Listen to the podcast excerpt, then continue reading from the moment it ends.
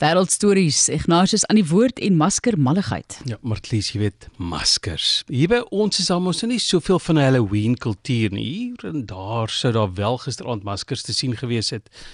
Maar meestal seker kinders en studente. Dan was daar die COVID tyd se maskers. Andersins kom 'n masker mos maar met 'n rooftog Wel, met die persoonlike beskermingstoerusting tenders was daar ook 'n staatskas wat beroof is. Maar in Frankryk speel 'n masker storie af waar verskillende mense ingeloop voel. 'n Tweedehandse handelaar het iets om te verduidelik aan die hof, 'n winsgrens van 2,8 miljoen per sent.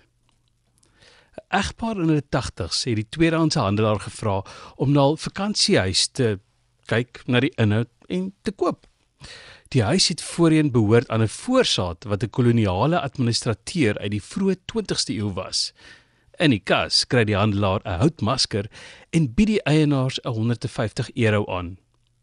6 maande later verkoop die 19de eeuse Ngi masker gemaak deur die Fang mense van Gabon op 'n veiling vir 4,2 miljoen euro. Maar het lees hulle 150 euro betaal, verkoop vir 4,2 miljoen. Dis so 83 miljoen rand.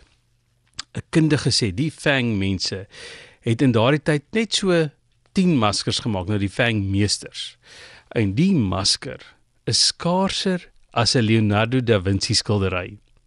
Die egpaar wil die verkoop nou nietig laat verklaar. Hulle voel beroof.